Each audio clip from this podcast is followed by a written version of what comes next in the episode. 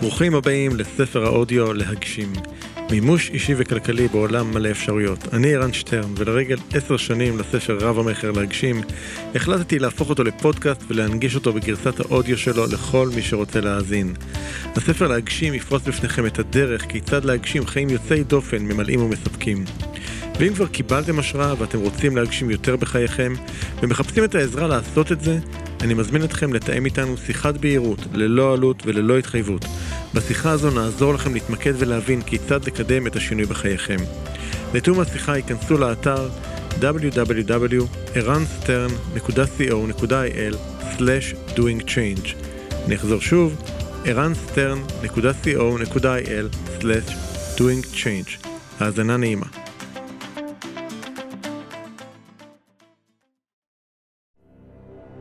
תשוקה היא נקודת ההתחלה של כל הישג.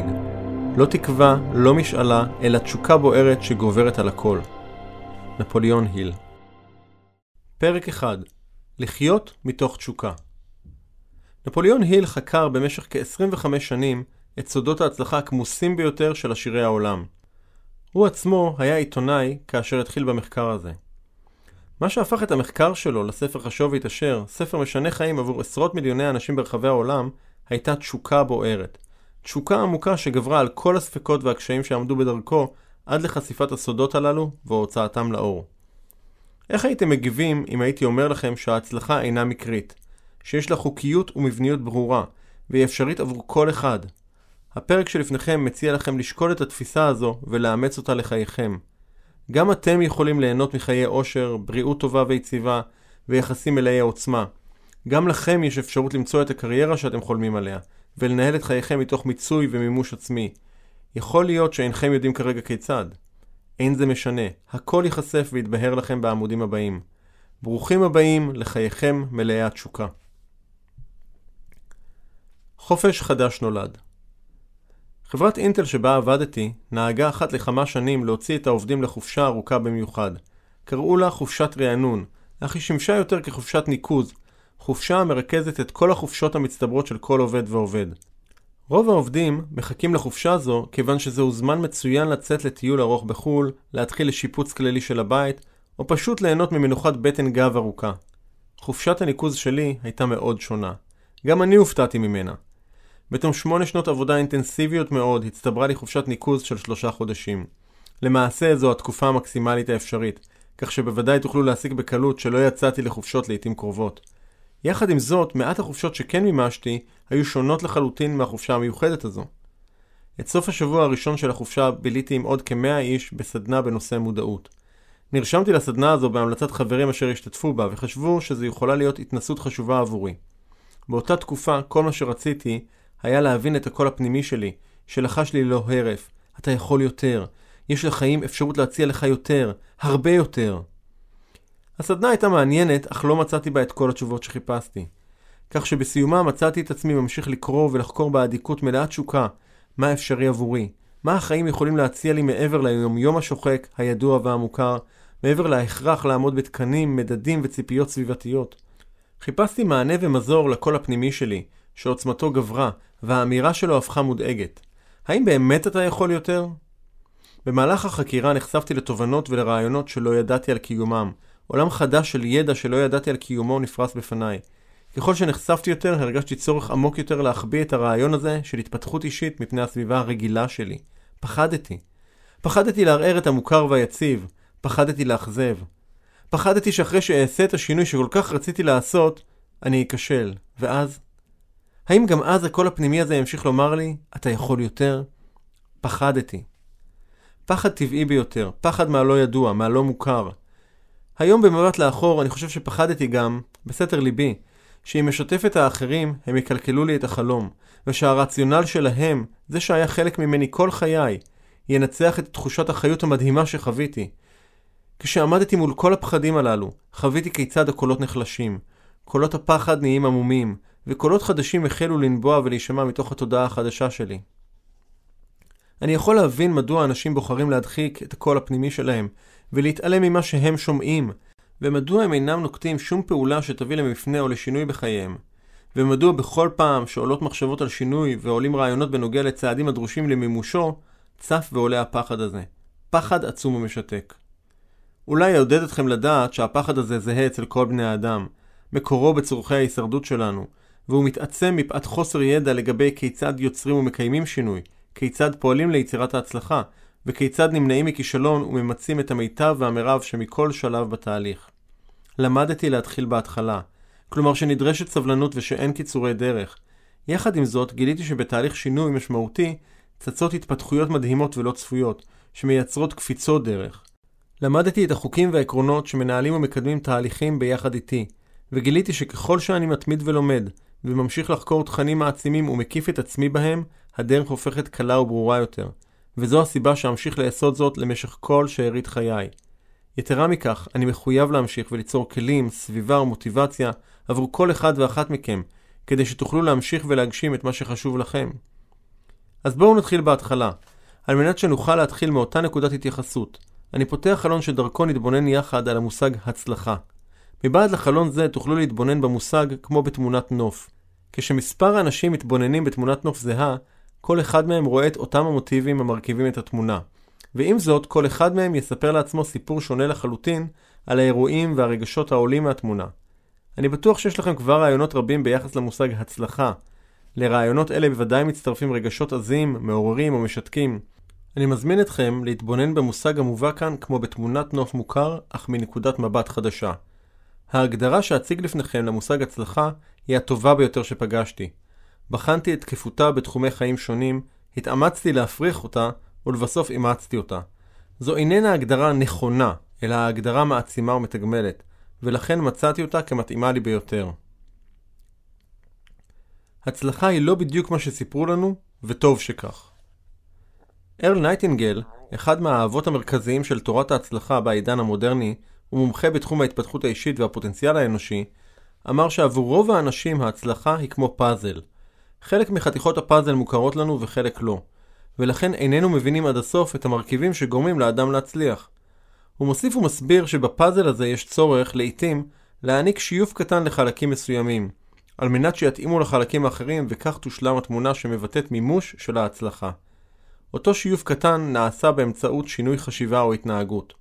והנה ההגדרה המלאה של נייטינגל למושג הצלחה. הצלחה היא הגשמה מתמשכת של רעיון ראוי. ההגדרה הזו אהובה עליי במיוחד, משום שהיא מאפשרת לחוות הצלחה בכל נקודה בדרך. היא מעניקה את עוצמת ההצלחה לכל שלב ולכל רעיון בתהליך, ולא מתנקזת רק לנקודת הסיום. ההמשכיות, הרצף, ההתקדמות, התנועה לעבר ההגשמה של רעיון ראוי, הבחירה ברעיון ראוי, כל אלה מאפשרים לחוות הצלחה בכל רגע נתון. כך שבעצם ההצלחה איננה תוצאה סופית או נקודתית, אלא חוויה מתמשכת על פני התהליך כולו. כל עוד אנו בפעולה, פועלים ומגשימים באופן מתמשך יעד ראוי, זו הצלחה. זו חשיבה משחררת מאוד והיא מעצימה את התהליך. חשוב לציין שבתפיסה זו, ההצלחה מפסיקה להיות תלויה במדדים חיצוניים המוכתבים על ידי החברה או הסביבה. ההצלחה נוכחת כאשר אנחנו פועלים עבור מה שחשוב לנו ומה שבחרנו כרעיון ראוי להגשמה. תחשבו לרגע על הצלחה כלכלית. לפי ההגדרה של נייטינגל, יש חופש מלא לכל אחד ואחת מאיתנו להגדיר מהי הצלחה כלכלית או מהי הצלחה אישית, ולפעול להגשמתה באופן מתמשך, כך שעצם הפעולה מאפשרת חוויית הצלחה. מהו רעיון ראוי? הרובד הראשון של הביטוי רעיון ראוי, כפי שנייטינגל מסביר, הוא רעיון שהאדם בחר עבור עצמו. זה יכול להיות סטודנט שממוצע ציוניו הוא 70, אשר החליט לקבל מלגת הצטיינות. זה יכול להיות אדם שכבר מרוויח מיליון שקל בשנה, ושואף להרוויח עשרה מיליון. זה יכול להיות שכיר בחברה ממלא תפקיד מסוים ופועל לקבלת קידום לתפקיד ניהולי בכיר. זה יכולה להיות אישה צעירה שבחרה ליצור קשר זוגי ולהקים משפחה. כל רעיון שאדם בוחר עבור עצמו הוא רעיון ראוי. בהגדרה זו, כל אדם המתקדם ופועל באופן מתמשך לעבר מטרתו הוא אדם מצליח, וכל אלה שפועלים כך שווים. הנקודה המרכזית היא נקיטת פעולה למימוש של אותו רעיון ראוי שהאדם שם לעצמו כיעד, וההתקדמות לעבר מימושו באופן עקבי ומתמשך. זוהי הצלחה. בהתבוננות מעמיקה בהגדרתו של נייטינגל, נגלה כי בביטוי רעיון ראוי טמון הסוד הגדול של ההצלחה. נייטינגל התנסח במדויק, אין בכוונתו שתגשימו כל רעיון כלשהו, ותתייחסו להגשמתו כהצלחה עבורכם. הרעיון עליו מדבר נייטינגל חייב להיות על פי הגדרתו רעיון ראוי. כאשר חקרתי את המושג הזה נחשפתי לפרשנות אחת מעניינת מאוד.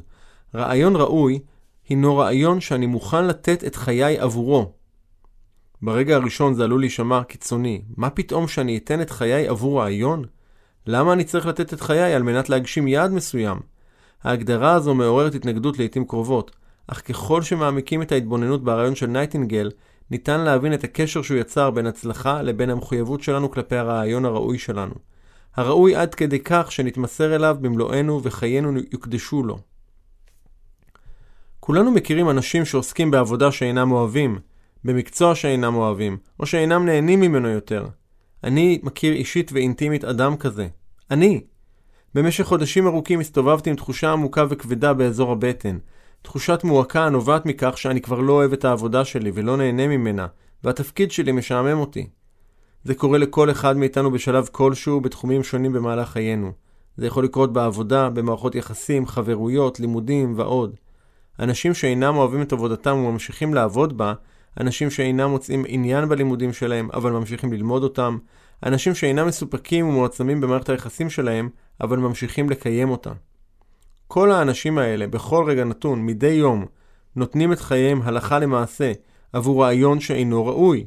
הם ממירים כל רגע ורגע בחייהם ברעיון שאינו ראוי עבורם. תחשבו על זה רגע, לעבוד 9 עד 10 שעות ביום עבור רעיון שאינו ראוי, לבלות כל כך הרבה שעות במקום שאני לא אוהב, איך זה משפיע עליי? איך זה משפיע על איכות חיי? על היכולת שלי להגשים באופן מתמשך רעיונות ראויים אחרים? כיצד זה משפיע על תחומי חיים אחרים? האם אני חווה את עצמי כאדם מצליח, כאשר הזמן שלי, המשאב היקר ביותר בחיי, מושקע ברעיון שאינו ראוי בעיניי? במהלך השנים ליוויתי מאות אנשים במסגרות שונות. האנשים שליוויתי, על פי רוב זיהו בתהליך ההתבוננות האישית את התחומים שבהם הקדישו את זמנם, את חייהם, לרעיון שאיננו ראוי. אחד מהלקוחות שליוויתי הפתיע את עצמו כאשר גילה שהרעיון ללמוד משפטים באוניברסיטה איננו רעיון ראוי בעיניו, ושהרעיון הזה נובע ממערכת הציפיות של הוריו, בזמן שהוא משתעמם ולא מוצא שום עניין בלימודים. כאשר זיהה שהרעיון אינו ראוי לזמן ולתשומת הלב שלו, בחר להפסיק את הלימודים ולהשקיע את זמנו ברעיון עסקי ראוי אשר עניין אותו, והוא יכול היה לראות בו את עתידו. זה היה רעיון שהוא היה מוכן לתת את חייו עבורו. הבחירה לעזוב את מה שאינו ראוי עבורכם זו רק אחת האפשרויות. אפשר שתתבוננו בחייכם ותזהו שרעיונות ראויים מונחים בחייכם וממתינים שתיתנו את חייכם בעבורם. לרוב זהו מקור התסכול ותחושת חוסר ההצלחה שבני אדם חווים בתחומים שונים בחייהם. זוגות אשר הזוגיות שלהם נוצרה באהבה גדולה, אבל היא רדומה כעת. תפקיד אשר היה מאתגר מאוד להשיג, ועכשיו הוא משעמם. אין זה אומר שהזוגות הללו צריכים להיפרד, או שבעלי התפקידים צריכים להתפטר. אני מבקש שתעניקו לתחומי החיים הללו את תשומת לב חדשה. תגלו, תמציאו, תאמצו רעיונות ראויים שיעניקו את הערך הראוי לחייכם. בהמשך אחשוף בפניכם את התהליך שיעזור לכם לזהות מהם הרעיונות הראויים בחייכם, הממתינים לכם שתפעלו ותגשימו אותם. מאמצי ההפרחה שלי חשפו את שלושת העקרונות של ההצלחה. הפילוסוף המדעי קרל פופר טען שהמדענים זקוקים לניסיונות רבים על מנת להוכיח את אמיתותו של דבר כלשהו. מאידך, הפרחה אחת בלבד יכולה לשלול אותו. בעצם לפי פופר, המדע מתקדם מהפרחה להפרחה. החקירה המעמיקה שלי בנושא הצלחה התרחבה הרבה מעבר להגדרה של נייטינגל. בכל תהליכי החקירה של הידע החדש שנחשפתי אליו, אימצתי לעצמי את עקרון ההפרחה. כך שעל מנת להתקרב כמה שיותר אל האמת הנסתרת בכלל ובנושא הצלחה בפרט, הבנתי שעליי לנסות ולהפריך את הרעיונות שאליהם אני נחשף. זאת תהיה הדרך המהירה ביותר להבין את עקרונותיה של ההצלחה, ולזהות את דרך הפעולה המקדמת מהצלחה להצלחה, מהגשמה להגשמה, ממימוש של רעיון ראוי אחד למשנהו. ככל שניסיתי להפריך את הגדרתו של נייטינגל, וככל שהמשכתי ושאלתי שאלות הגורעות תיגר על ההגדרה, נחשף בפניי ידע חדש, מרתק ומעצים. נכשלתי בניסיונותיי להפריך את ההגדרה. לא הצלחתי להפריך את המשמעויות שלה גם ברבדים עמוקים יותר. לתדהמתי, במהלך התהליך מצאתי את עצמי מפריך תפיסות קודמות ושגויות שהיו לי אודות הצלחה, ואודות היכולת שלי לבטא ולממש הצלחה בחיי ובחיי הסובבים אותי. חקירה רחבה ועמוקה זו חשפה בפניי את שלושת העקרונות הבאים, העקרונות המובילים של ההצלחה. העיקרון הראשון אומר, ההצלחה אינה מקרית. העיקרון השני מכריז, כל אחד יכול.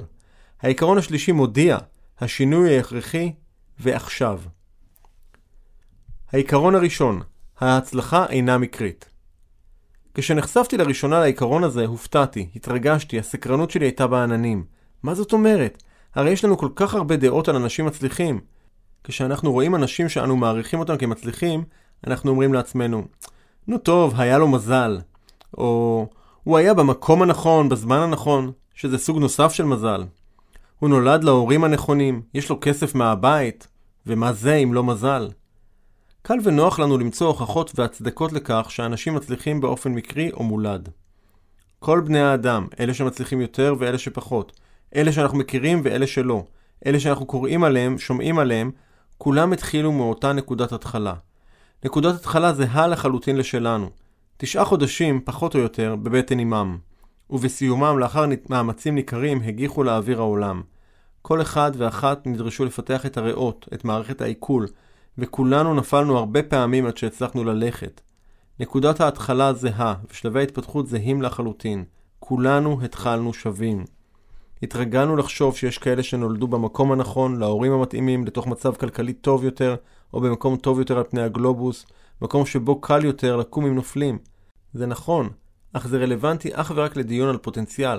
כשבוחנים לעומק את הנתונים, הסטטיסטיקה של ההצלחה, מגלים מיד שישנם כאלה שנולדו במשפחה הנכונה, בסביבה המתאימה והצליחו מאוד, ואילו אחרים אשר נולדו באותן משפחות, לאותם הורים ובאותה סביבה, ולא ידעו לממש ולנצל את תנאי הפתיחה המשופרים שהוגשו להם, כלומר נקודת הפתיחה ונתוני הפתיחה שלהם לא הביאו את ההצלחה המובטחת. ההצלחה אינה מקרית, והיא אפשרית עבור כל אחד.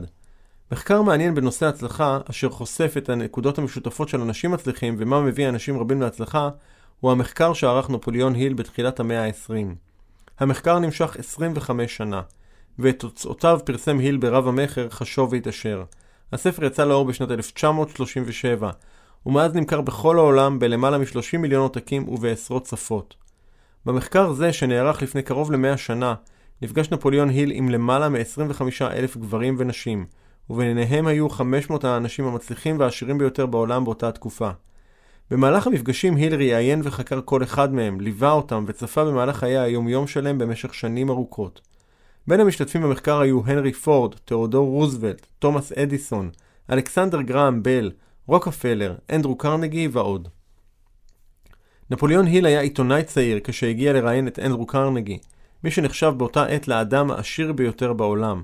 קרנגי הוא האדם הראשון שהוגדר כמיליארדר, באותה עת הוא שלט בתעשיית הפלדה בארצות הברית.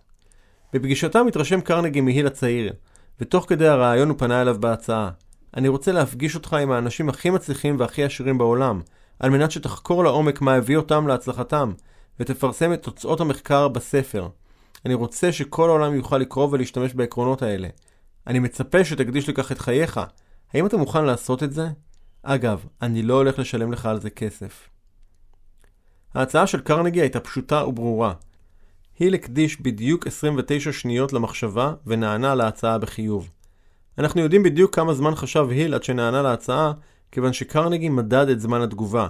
קרנגי סיפר להיל כי אם היה מהרהר בהצעה מעבר ל-60 שניות, הוא היה מושך אותה ולא מעניק להיל את ההזדמנות. אחד הממצאים המעניינים והמשמעותיים ביותר שהיל גילה במחקרו, הוא שכל האנשים המצליחים שהשתתפו במחקר פעלו על פי 13 טכניקות מעשיות ומוגדרות. אף אחת מהן לא קשורה לייחוס משפחתי או למצב הכלכלי, והן אינן מושפעות מהאזור הגיאוגרפי שפה גדלו או פעלו. כמו כן, אף אחת מהטכניקות לא פועלת רק עבור אחד המינים, או עבור אלה שרכשו השכלה כזו או אחרת. אף אחד מהגורמים החיצוניים שאנו נוטים לייחס את ההצלחה אליהם, לא השפיע על יכולתן של טכניקות אלה לעצב את הצלחתם. רבים מאלה שהוגדרו כמצליחים לא רכשו השכלה פורמלית ולא זכו בהון התחלתי ממשפחתם. נתון זה אגב מתקיים עד עצם היום הזה. בין השנים 1995 ל-1996 נערך מחקר מקיף על המיליונרים בארצות הברית. הנתונים במחקר מצביעים על העובדה כי כ-80% מהמיליונרים האמריקאים הם דור ראשון של מיליונרים. הם מיליונרים מסוג של יצירה עצמית, הם יצרו את ההון שלהם ולא ירשו או קיבלו אותו.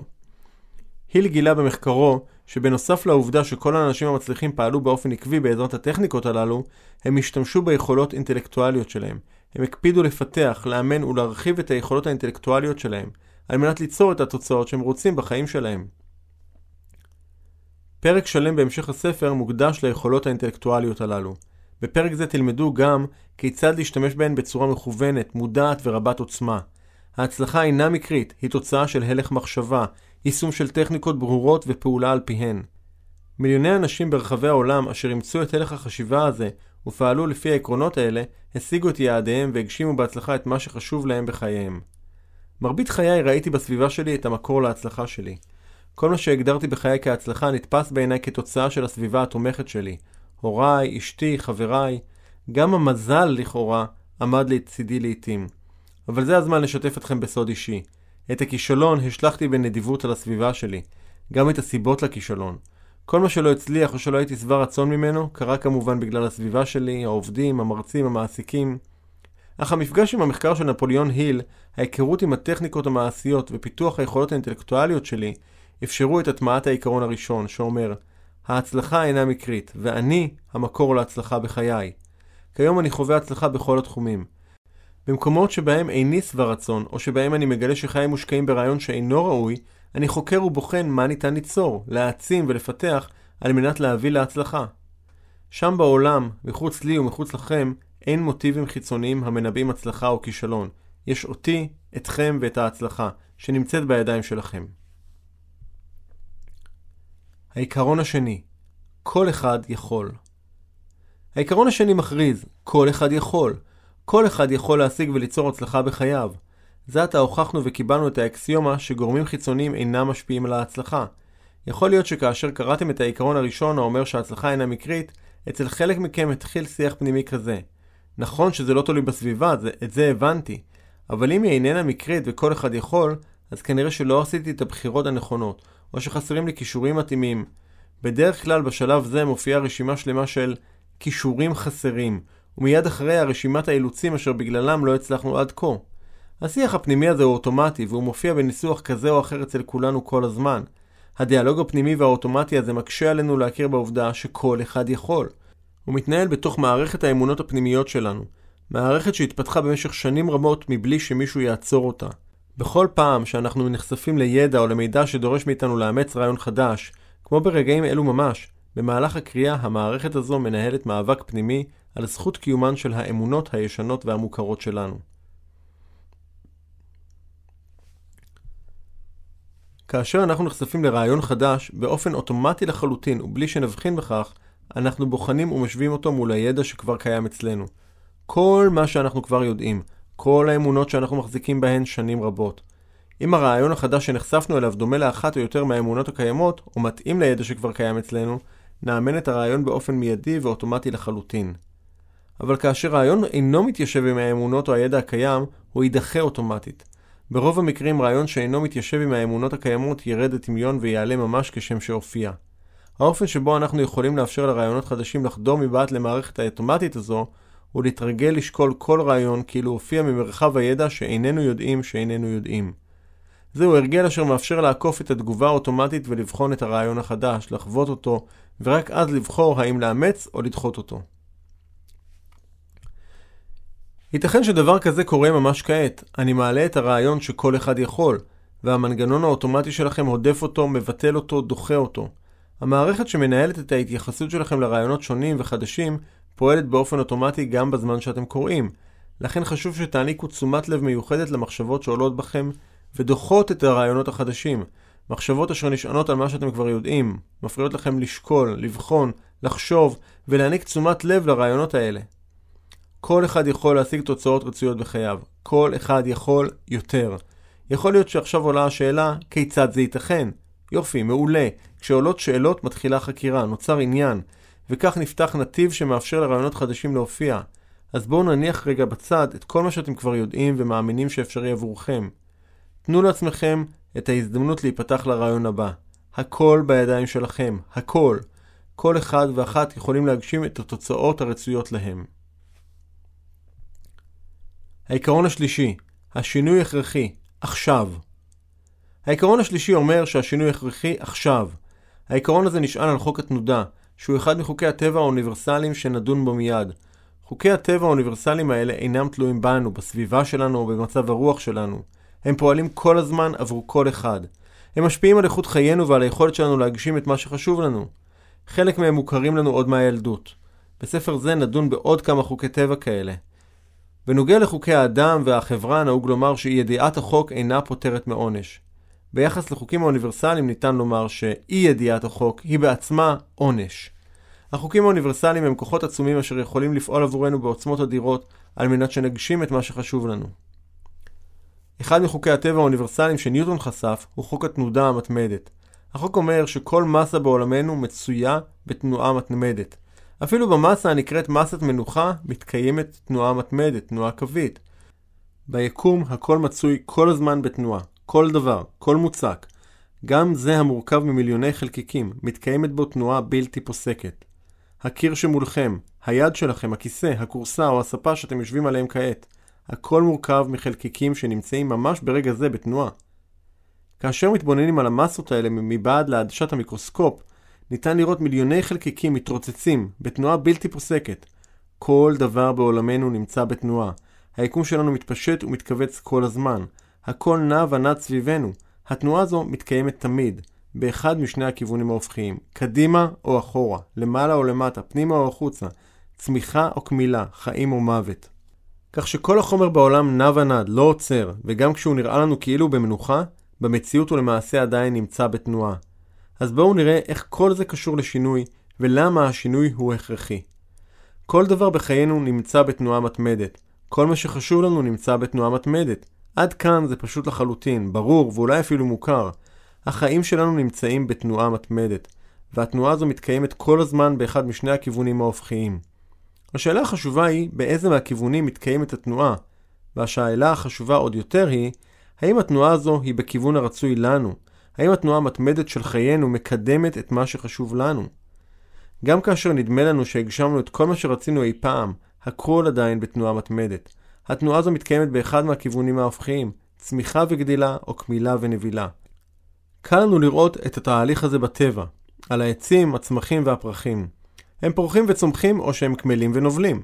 החוק הזה פועל על בני האדם באופן מלא וזהה. אנחנו צומחים ופורחים או שאנחנו נובלים. בניגוד לצמחים אשר אצלם הצמיחה והקמילה הם מחזוריים ואוטומטיים, לנו בני האדם ניתנה היכולת לחשוב, לשקול ולפעול. כאשר הקול הפנימי העמוק שלנו אומר, אתה יכול יותר, החיים מציעים לך הרבה יותר, אנחנו יכולים להתעלם ממנו, כך שחיינו ינועו בכיוון של קמילה ונבילה, או שאנחנו יכולים להאזין לו, כי זהו הקול אשר דוחף אותנו בתנועה מתמדת של גדילה, התפתחות וחיות, ויוצר בנו העצמה מתמדת. ההתבוננות בתנועה המתמדת של היקום, של כל מסת חומר ושל בני האדם, מאפשרת להבחין בבירור שעל מנת שכל אותם דברים שחשובים לנו בחיים יגדלו, נדרש שכל אותם העיסוקים אשר אינם חיוניים, יקמלו. בכוחה של התנועה המתמדת להניע אותנו להגשים יעדים באופן רציף ומתמשך. כל מה שנדרש מאיתנו הוא לשמור על הכיוון שבו אנו נעים, כיוון שגם אם נדמה לנו שהגענו ליעד ראוי ונרצה לנוח בו ולהישאר בו, בעודנו נחים, הכל סביבנו נע בתנועה מתמדת ומתקדם. כך שעמידה במקום היא תנועה אחורה. זהו החוק, הוא פועל בכל מקום ובכל מצב. התופעה הזו מוכרת לרבים מאיתנו. כל מי שרכש ידע מקצועי מסוים והפסיק ללמוד ולהתעדכן באותו התחום, מגלה שאחרי תקופה שהוא הולך אחורה. כיוון שהידע בתחום זה בעולם מתקדם כל הזמן. כל מי שיצר מערכת יחסים מסוימת והפסיק להשקיע בה ולחדש אותה יגלה אחרי זמן שהיחסים נמצאים בנסיגה. עברנו עד כה על שלושה עקרונות. הראשון, ההצלחה אינה מקרית, השני, כל אחד יכול, והשלישי, השינוי הוא הכרחי. אלה העקרונות המנחים והבסיסיים להעצמת חייכם. במהלך הקריאה בספר זה, אני מזמין אתכם בכל שלב, בכל פרק או בכל פעם שיופיע רעיון חדש עבורכם, לחזור ולעיין בשלושת העקרונות המקור הללו. עקרונות אלו יחזירו אתכם אל מרכז חייכם, אל היותכם המקור להצלחתכם, ומעל הכל, אל הביטחון שיש לכם את כל מה שנדרש על מנת להצליח. עכשיו כשבחרתם לעשות את השינוי ההכרחי ולנוע בכיוון ההצלחה. לצאת לפעולה חוקרים הצלחות במהלך חייכם חוויתם הצלחות. יש לכם זיכרונות מוגדרים של תקופות או אירועים בהם הצלחתם, הייתם שבעי רצון, מסופקים, והגשמתם יעד ראוי. ההצלחות הללו אפשרו לכם ליצור פריצות דרך או הישגים יוצאי דופן בחייכם. ברצוני לבקש מכם לחדול לרגע מן הקריאה לטובת תרגיל מעשי שיקדם אתכם לעבר ההצלחה שלכם. הקדישו מספר דקות על מנת להיזכר באירועים של הצלחה שחוויתם בעבר. התמקדו בשלושה אירועים של הצלחה שהשפעתם ניכרת על חייכם כיום. רשמו לעצמכם מהם האירועים הללו, ותנו לעצמכם זמן לזהות מכנה משותף לשלושתם. המכנה המשותף יכול להיות ההרגשה שלכם, התחום שבו הצלחתם, הפעולות שנקטתם, או כל דבר העולה בדעתכם. המכנה המשותף הזה הוא מקור ההצלחות שכבר הצלחתם. כעת הקדישו מספר דקות על מנת לזהות כיצד פעלתם בהרמוניה עם חוק התנודה ביצירת ההצלחות הללו. משחררים חסימות. לפני שאנחנו ממשיכים הייתי רוצה שנתבונן לחוק התנודה מכיוון נוסף. הגדירו שלושה תחומים בחייכם שבהם אתם חווים כיום חוסר שביעות רצון מתמשך, שבהם אתם חווים תחושת ויתור או חוסר סיפוק מהתוצאות שאתם משיגים בתחום.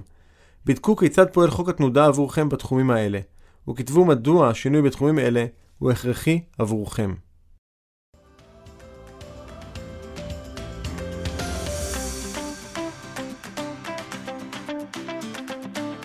זהו, כאן מסתיים הפרק הזה. אם אהבתם אותו, ודאו שאתם מדרגים את הפודקאסט ב iTunes, Spotify, Google Podcast, SoundCloud, YouTube או כל פלטפורמה אחרת שדרכה אתם מאזינים לנו כרגע. ומוזמנים גם לכתוב לי תגובות, מה אהבתם, כיצד אתם מיישמים את העקרונות שבספר, או כל הערה והארה אחרת שיש לכם. מוזמנים לשלוח אליי ישירות למייל, feedback at eranstern.co.il. וגם, אל תשאירו את כל הטוב הזה רק לעצמכם. בטוח שיש לכם חברים שרוצים גם הם להגשים. שתפו איתם את הפודקאסט הזה, שגם הם יוכלו ליהנות. ומילה אחרונה, אבל חשובה. אם קיבלתם השראה ואתם מרגישים את השינוי בוער בכם, החלטתם שאתם רוצים שינוי ואתם רוצים ומוכנים לעשות את מה שצריך ולא את מה שנוח כדי ליצור את השינוי הזה בחיים שלכם, אני מזמין אתכם לתאם איתנו שיחת בהירות, ללא עלות וללא התחייבות. בשיחה הזו נעזור לכם להתמקד ולהבין כיצד לקדם את השינוי בחיים שלכם. לתיאום השיחה ייכנסו לאתר www.ערנסטרן.co.il/doingchange. אני ערן שטרן, שמח שהאזנתם, ונתראה ונשתמע בפרק הבא.